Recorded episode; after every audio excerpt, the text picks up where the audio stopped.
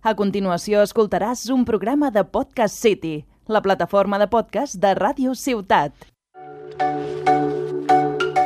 What up, world? It's your boy, just one of the guys down here.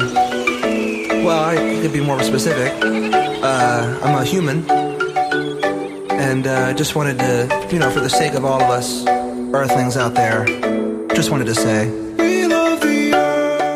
Bona tarda a tots i a totes i benvinguts a La Veu de la Terra, un programa conduït per membres de Fridays for Future Tarragona, un moviment ecologista impulsat per joves, antipartidista i transversal, que intentarà informar sobre la situació de crisi climàtica, però també alternatives per una vida més sostenible que respecti el medi ambient. Hi. Podem trobar en aquest programa? Doncs cada 15 dies ens centrarem en un tema. Per tractar-lo a fons, entrevistarem un expert o una experta i també escoltarem l'opinió dels joves estudiants, que també és molt important. Finalment, us proposarem un repte sostenible i acabarem amb l'agenda d'activitats eco del cap de setmana. I'm a lion cub, Abans de continuar, ens presentem. Avui a l'estudi som amb l'Anna, que ha preguntat al jovent sobre el tema del dia, concretament sobre la brossa que crem cada dia i si podem evitar-la. A més, ens informarà de les activitats relacionades amb el medi ambient que podem eh, trobar durant la setmana. Hola, Anna, què tal? Hola. Avui soletes a l'estudi, però bé, eh, ens apanyarem, no? I tant. doncs eh, també em presento jo mateixa, l'Edel, que conduirà el programa i també us plantejaré el repte de la quinzena. Així que ara sabeu qui som i què farem. Així doncs, comencem.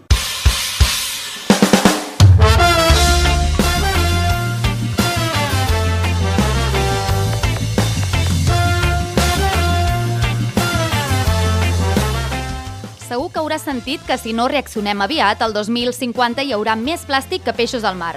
També ha sorgit l'estudi que diu que cada setmana ingerim uns 5 grams de microplàstic, l'equivalent a una targeta de crèdit. La causa de tot això és que concretament a Catalunya cada ciutadà genera 1,3 quilos de brossa al dia, és a dir, gairebé 500 quilos a l'any. Avui en dia, solament el 9% de tots els residus, concretament el plàstic que hem produït i consumit fins a l'actualitat a nivell mundial, s'ha reciclat. El 12% s'ha incinerat i la gran majoria, el 79%, ha, ha acabat, ha anat a acabar, a pagar als abocadors o al medi ambient. Per combatre aquesta situació s'han creat moviments com el Zero Waste, que té com a objectiu reduir al màxim els residus i la brossa que generem quotidianament. Això ens permet viure amb menys coses materials i viure una vida més rica en moments i experiències. Els mètodes Zero Waste són, per exemple, rebutjar o reduir el que no necessitem, reutilitzar els objectes d'un sol ús i comprar de segona mà i reciclar allò que no podem rebutjar ni reduir o reutilitzar. Així doncs, reciclar és l'última opció. Voy tan tranquilo que hasta las horas andan a... I doncs per parlar més profundament d'aquest tema hem trucat a la Marta Sass de Sàlic Sostenible, que és un projecte que vol donar solucions a totes aquelles persones, empreses i entitats que es preocupen per generar men menys residus. Benvinguda, Marta, què tal? Hola, moltes gràcies, molt bé. Molt bé, benvinguda. Encantada d'estar aquí amb vosaltres. Moltes gràcies. Doncs, com dèiem, no? El residu zero és possible, primer de tot? Uh, a veure, primer, de, o sigui, com a possible, sí, o sigui, arriba a ser possible, hi ha persones que ho han aconseguit, uh, però a mi m'agrada més dir que el residu zero és una mica com la felicitat, no? Allò que diuen de que no, és un, no ha de ser un destí, sinó un, la manera de viure el camí. Doncs és una mica aquesta, la filosofia, la idea de que si tu vols fer de, viure sense residus d'un dia per l'altre, eh, en l'intent et frustraràs. Per tant, s'ha de viure com una manera d'entendre el consum, d'entendre la manera de viure, d'entendre la manera de, de, bueno, de, de consumir més responsablement.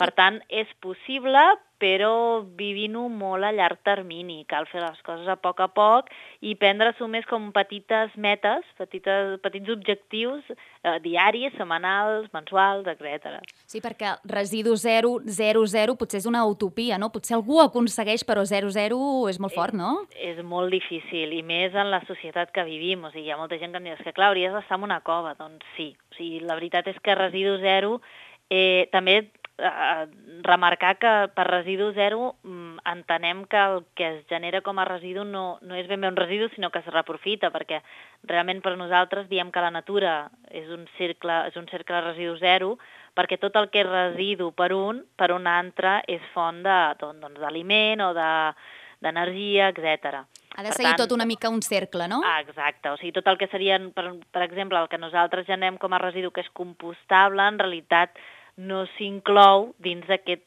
aquesta comptabilització de residus, per dir alguna cosa. Però sí, el residu zero en la societat actual és molt complicat. És molt complicat i per això potser la gent posa tantes excuses, no?, de que és molt difícil... Sí, sí hi ha una barreja aquí. Uh, el residu zero és molt complicat, però uh, el anar afegint petits hàbits que ens portin cap a un consum en què la generació de residus sigui més baixa no és tan difícil. O sigui, diguéssim que l'objectiu final sí que podem veure'l molt lluny, però nosaltres podem fer coses en el nostre dia a dia. Què passa? Que no, fins que no t'hi poses no és fàcil, no? o sigui, fa falta entrar, és una mica com l'exercici al final. Eh, quan començant al gimnàs o començant a córrer o a jugar com algun esport, eh, costa molt. Però un cop hi ets, ja t'hi aficiones, ja és un vici, et diverteixes, t'interessa, t'ho passes bé, el cos t'ho t'ho demana, doncs això és exactament el mateix. Quan tu comences, costa, perquè ho veus tot un món, però llavors a poc a poc eh, vas veient que, que bueno, doncs és més interessant del que et pensaves, també t'informes més, el fet d'informar-te més fa que la teva consciència ja no et deixi fer algunes coses. Per tant, no és tan difícil començar i començar a fer, a fer petits canvis i el tema de les excuses es fa servir molt perquè, clar, fa mandra, és com tot. Això fa molta mandra deixar d'anar al supermercat i omplir el carro sense mirar res més. Suposo que, a part de tot el que has dit, també sents una satisfacció, no?, quan ho aconsegueixes o quan comences, almenys? Exacte, sí, o sigui, quan tu arribes un dia i, o sigui, la, la tonteria de portar una bossa de tela, quan arriba un punt en què ja la portes de manera habitual a la bossa i vas un dia a comprar i diuen, tens bossa? Sí. I ja la treus. Ai, mira, que bé, sempre amb la bossa, això ho hauríem de fer tots. I dius, mira, ostres, em posen d'exemple, que guai. I això, vulguis que no, també reconforta molt. De fet, a, nosaltres fem moltes xerrades des de Sàlix i una de les coses que diem és no només no, no et fustiguis en, en haver-ho de fer tot el primer dia, sinó que, a més a més, intenta posar-te medalletes de tant en tant, valora el que estàs fent, per petit que sigui. Potser continues comprant els embotits eh, envasats, però per un altre cantó has aconseguit no comprar aigua embotellada. Bueno, doncs, mm, ja a poc a poc ja faràs lo dels embotits, ja ho anirem millorant, no passa res. Però l'aigua ja no la compres embotellada. Doncs,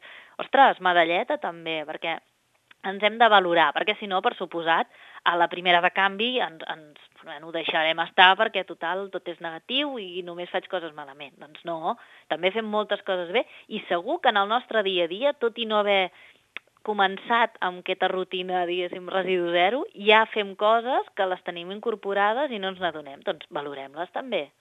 Has comentat que el difícil és, és fer el primer pas, no? I has posat algun exemple. Uh, aquests exemples de la bossa, portar la bossa de tela al supermercat o la cormanyola seria el primer pas que podem fer o, o quin pas seria el més clau? El primer, clar, no, no sé si existeix un primer pas de dir, comença per aquí. Jo crec que el, la clau és veure què, què és el que tu t'és més fàcil incorporar. O sigui, el, el més important és començar per, per una, dos coses, o sigui, un o dos canvis petits, que es puguin transformar en hàbits. És a dir, jo començo a fer una cosa, doncs això de les bosses de tela. Doncs a partir d'ara portaré una bossa de tela a la bossa, o al bolso, a la motxilla, on sigui. Eh, Fes-ho durant un mes, dues setmanes, un mes, tranquil·lament. Quan això ja ho hagis normalitzat, llavors in inclou un altre canvi.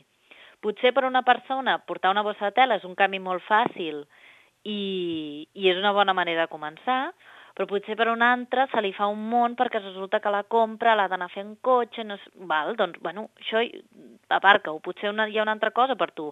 Hi ha moltes coses que es poden fer, o sigui, hi ha des de, per exemple, molt, dos punts de, de generació de residus molt alts per on es pot començar és el lavabo i la cuina. Al lavabo tenim tot el tema de la cosmètica, que bueno, doncs potser el simple gest de canviar la, el sabó de mans a una pastilla de sabó també és un canvi. Eh, bé, també- I això jo et volia preguntar que eh, si relacionat amb el que estàs dient, si el residu zero significa perdre temps i diners o, o no. Què n'opines? Clar, eh, sí i no. Segurament, o sigui, no, potser et diria que més que perdre és invertir, en aquest cas.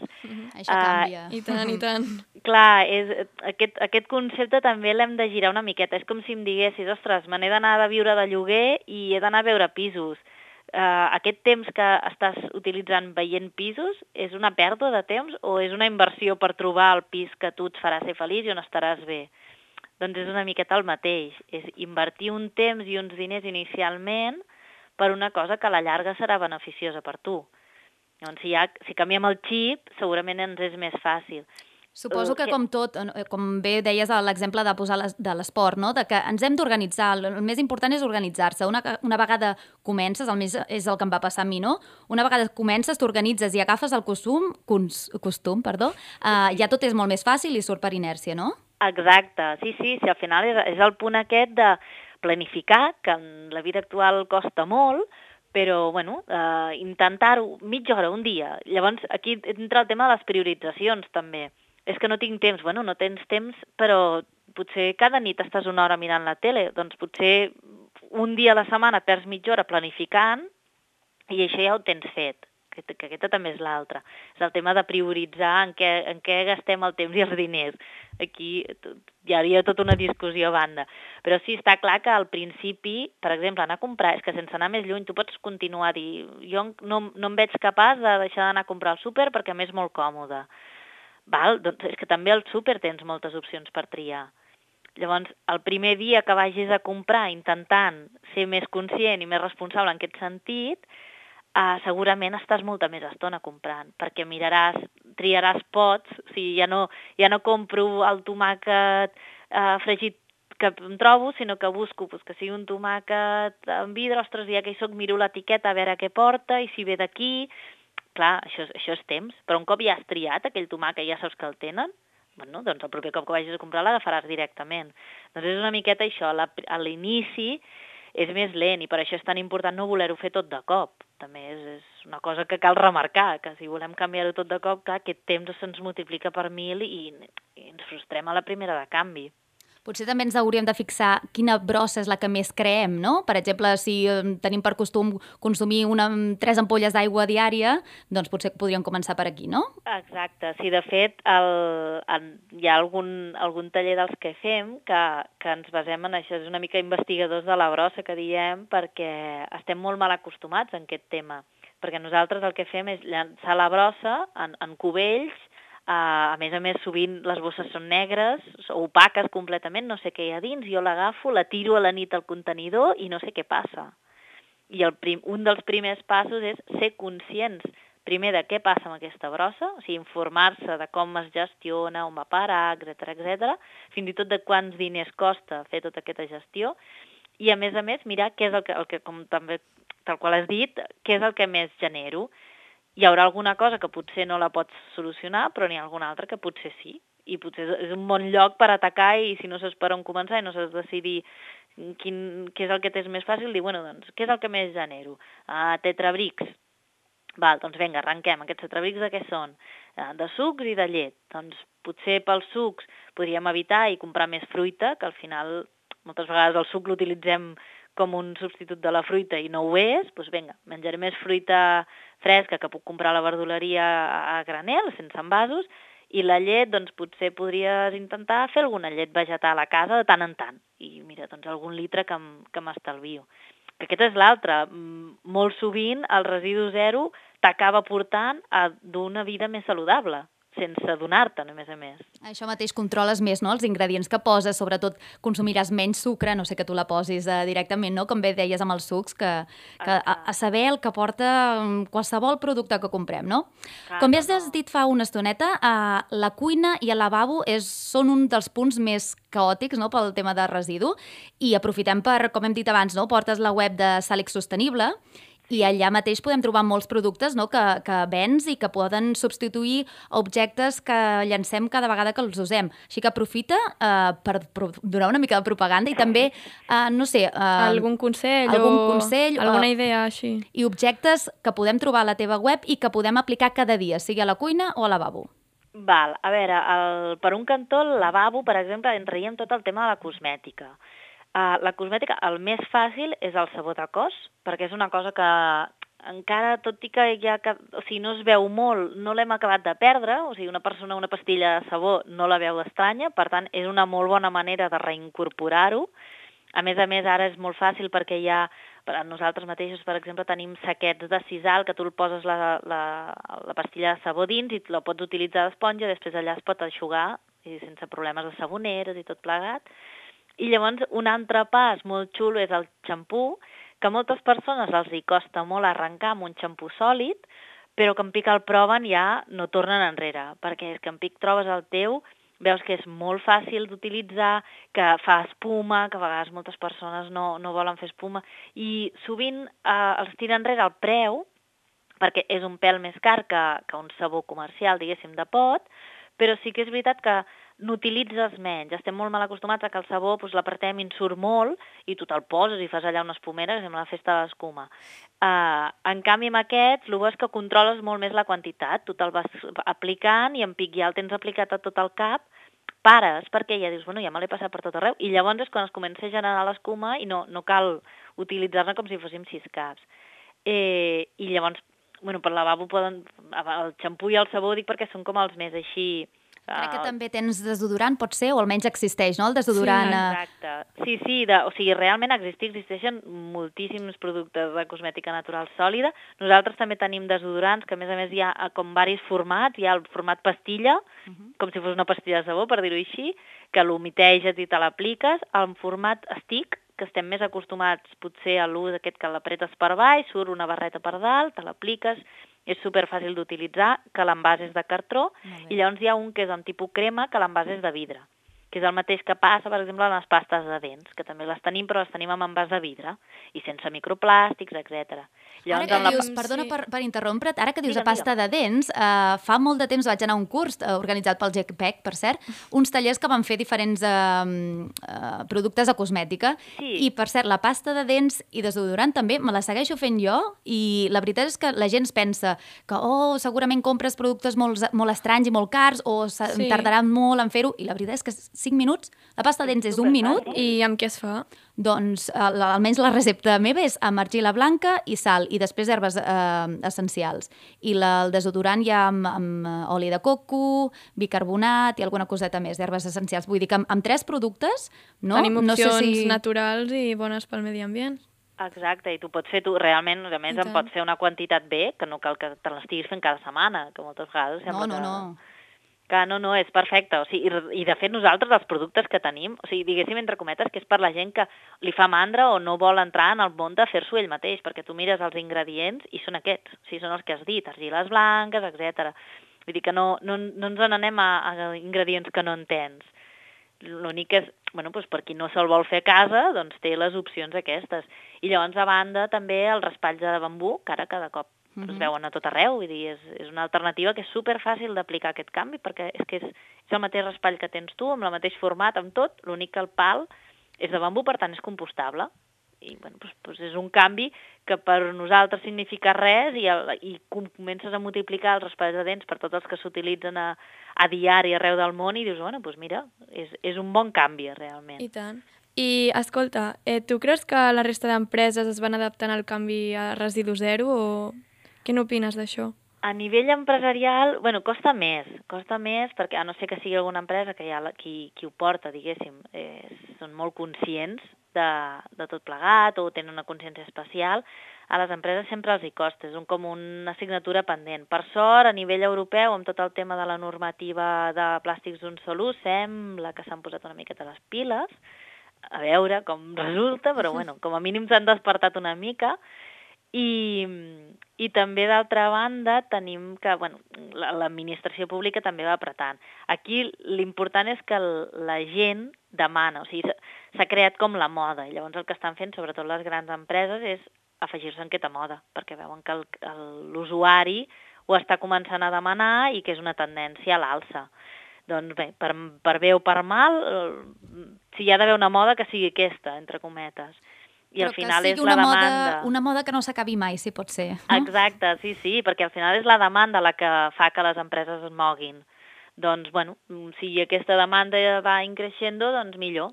I també que sigui no només de cara al públic, perquè de, par- de cara al públic pots fer una cosa, però darrere tota la gestió de l'empresa, les oficines, etc o el transport pot ser Clar. diferent, no? I el que ens arriba és el greenwashing, no? que com Sí. deies està de moda i potser darrere no és gaire Aquí- sostenible.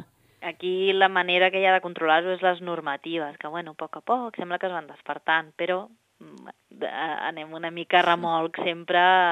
Diguéssim que primer ens trobem amb el problema i llavors ja comencem a pensar com solucionar-lo. Això mateix, Però- tenim molta pressa i a veure... El que, jo crec que el que fa falta, en resum, és una mica d'informació, treure's la peresa no? i organitzar-se. Amb això, al final, el temps i el mínim diners que et pots gastar de més, que no, tampoc ho trobo exagerat, Jo crec que t'acaben compensant del tot. això mateix, i et sents bé, et sents bé, i, I això és molt important, eh? Sí, sí, sí.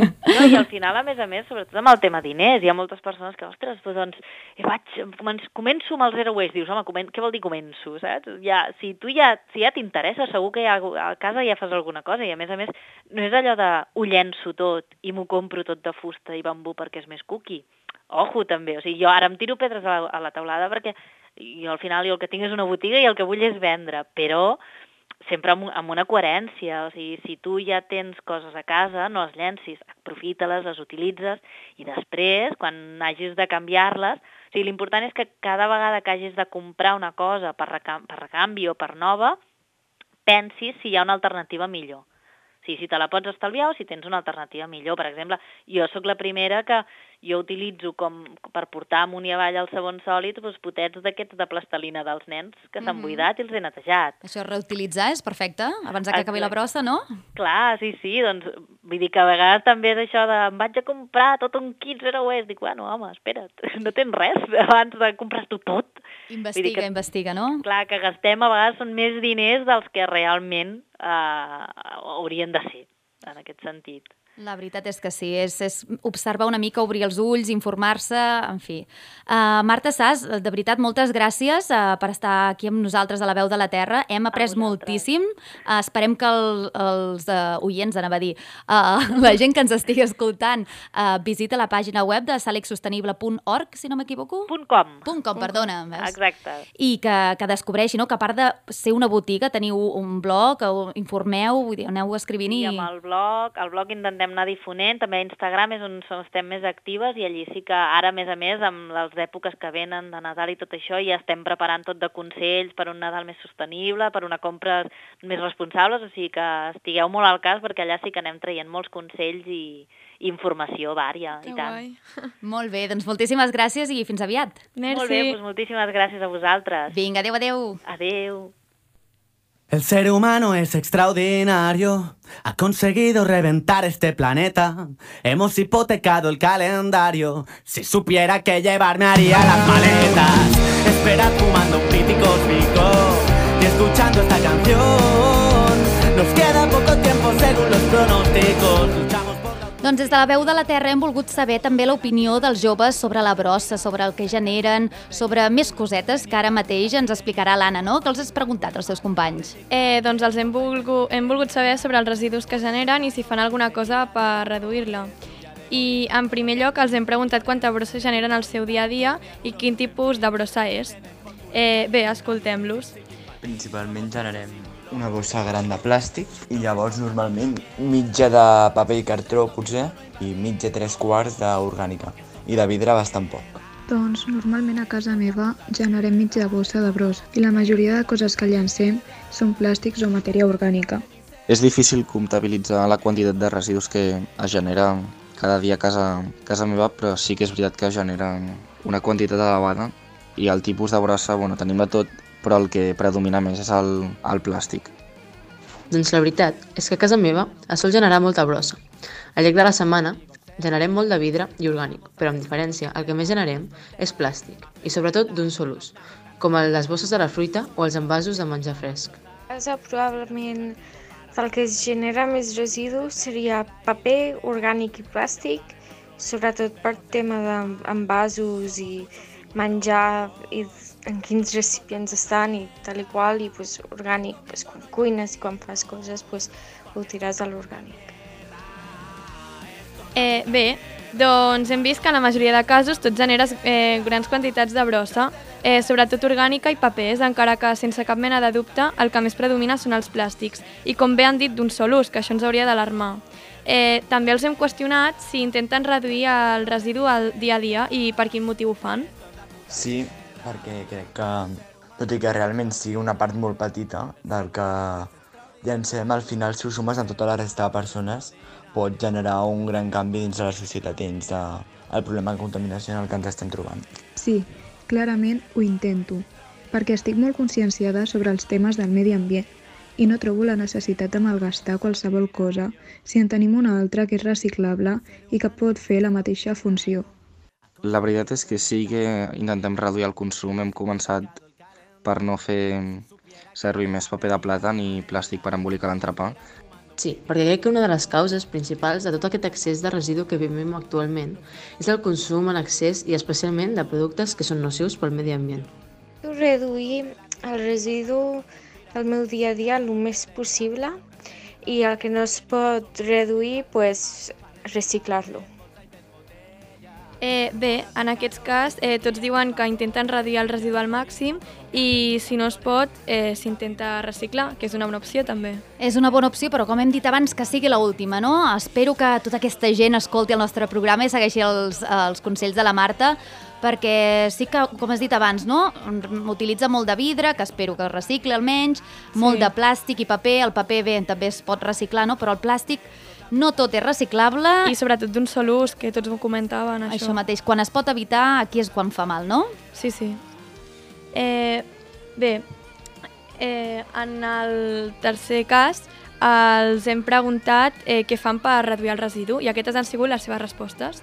Amb l'orgànica fem compostatge al final fer adob per plantes Um, normalment sempre reutilitzem les ampolles de plàstic i les tornem a omplir d'aigua. I també les bosses de plàstic, per exemple, anar a comprar el pa i posem els entrepans, en canvi d'utilitzar paper albal.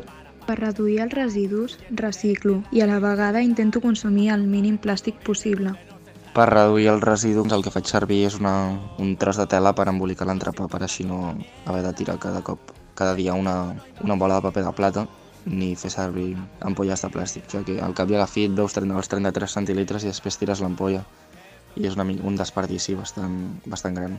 Una de les coses que faig, i crec que és força important, és evitar comprar coses que no es puguin reciclar. En el seu lloc, utilitzo les seves alternatives biodegradables, com els raspalls de dents de fusta o les esponges naturals. També, quan surto, guardo el residu fins que trobo un contenidor corresponent. Faig servir bosses de plàstic, normalment tampoc faig servir palletes, no compro coses que estiguin envasades en plàstic i mm, les coses les reutilitzo i no les tiro a la brossa. Eh, bé, com ben vist, hi ha un gran ventall d'opcions per reduir el residu, el compostatge, evitar consumir productes d'un sol ús, no utilitzar bosses de plàstic o fins i tot suprimir el paper de plata en els entrepans. I això és una bona idea per invertir en la vida del planeta i això ens hauria d'encoratjar a reciclar al màxim. M'ha agradat molt el, el que ha dit, no? Per, en comptes d'embolicar amb paper de plata, utilitza una, una, tela. una tela, que concretament hi ha una marca que es diu Boc and Roll, sí. si no hi ha altres botigues que en venen de marca blanca i més barat, segurament, i jo mateixa, treballant en una escola, uf, em poso negre cada vegada que, que veig tots els alumnes amb el paper, paper de cuina i després paper de plata, i tot barrejadet a la brossa.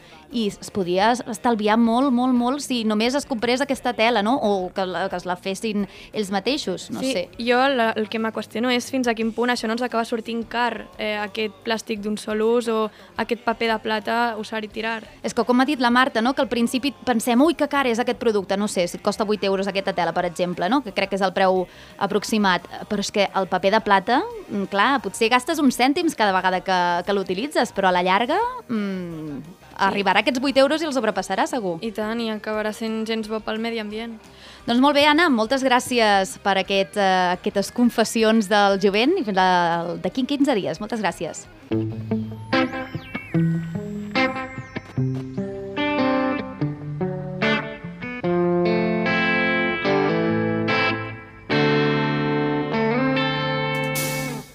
us hem informat a l'inici del programa, la Veu de la Terra vol proposar-vos un repte amb l'objectiu que sigueu més sostenibles i respectuosos amb el medi ambient.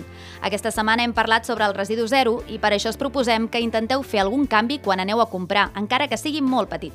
Us proposo que quan aneu al supermercat, a banda d'agafar la bossa de tela abans de sortir de casa, hi afegiu un parell de carmanyoles per la carn, embotit, el peix, etc. Si ja ho feu, per què no proveu a visitar una botiga al granel? Aquest seria el següent pas. Podeu explicar-nos eh, si ho heu aconseguit o si teniu problemes per aconseguir-ho al Twitter de Ràdio Ciutat Tarragona. La setmana que ve us preguntarem si ho heu aconseguit i us en proposarem un altre. Molts ànims i sort!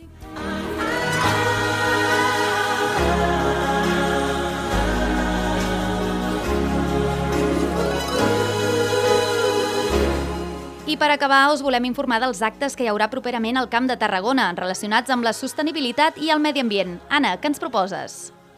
Eh, aquest dimecres 27 de novembre es farà la darrera sessió de cuina rebel de tardor a Valls, de 6 a 9 del vespre, i el cuiner Xavier Fabra mostrarà diverses receptes de cuina del món.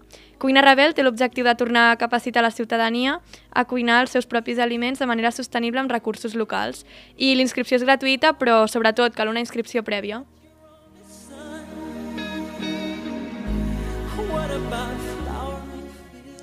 I com cada divendres, Fridays for Future Reus i Tarragona continuem fent concentracions pel clima. A la plaça Corsini, en el cas de Tarragona, a les 6, i a la plaça de Prim, de Reus, a les 9. I es, re realitzarà un mercadet de comerços sostenibles de la ciutat. El 30 de novembre, de 10 a 2 del migdia, es farà la tercera edició del Mercadet d'Intercanvi a la Canonja, concretament a l'Ateneu Popular La Mina. Tornem a Valls, ja que com cada primer diumenge de mes, de 10 a 2 del migdia se celebra la Fira del Ric Rac a la sala Cursal de la capital de l'Alcamp. S'hi poden regalar, intercanviar o reparar qualsevol tipus d'objecte.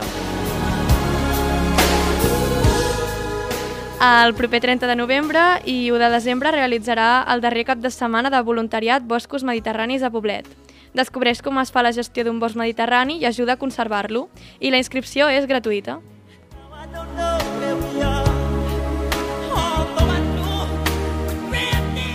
Molt bé, Anna, moltes gràcies. Sobretot recordar no, els actes de Fridays for Future de Reus eh, a les eh, 7 de la tarda i a Tarragona a les 6 de la tarda.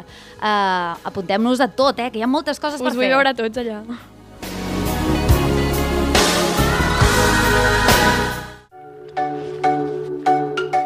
What up, world? Amb aquesta cançó començàvem i amb aquesta cançó també acabem. Fins aquí el tercer programa de La Veu de la Terra. Moltes gràcies a tots i a totes per escoltar-nos i ens, el, ens escoltem en 15 dies. Que passeu molt bona setmana i fins la propera. We love the earth, it is our planet. We love the earth. Has escoltat un programa de Podcast City, la plataforma de podcast de Ràdio Ciutat.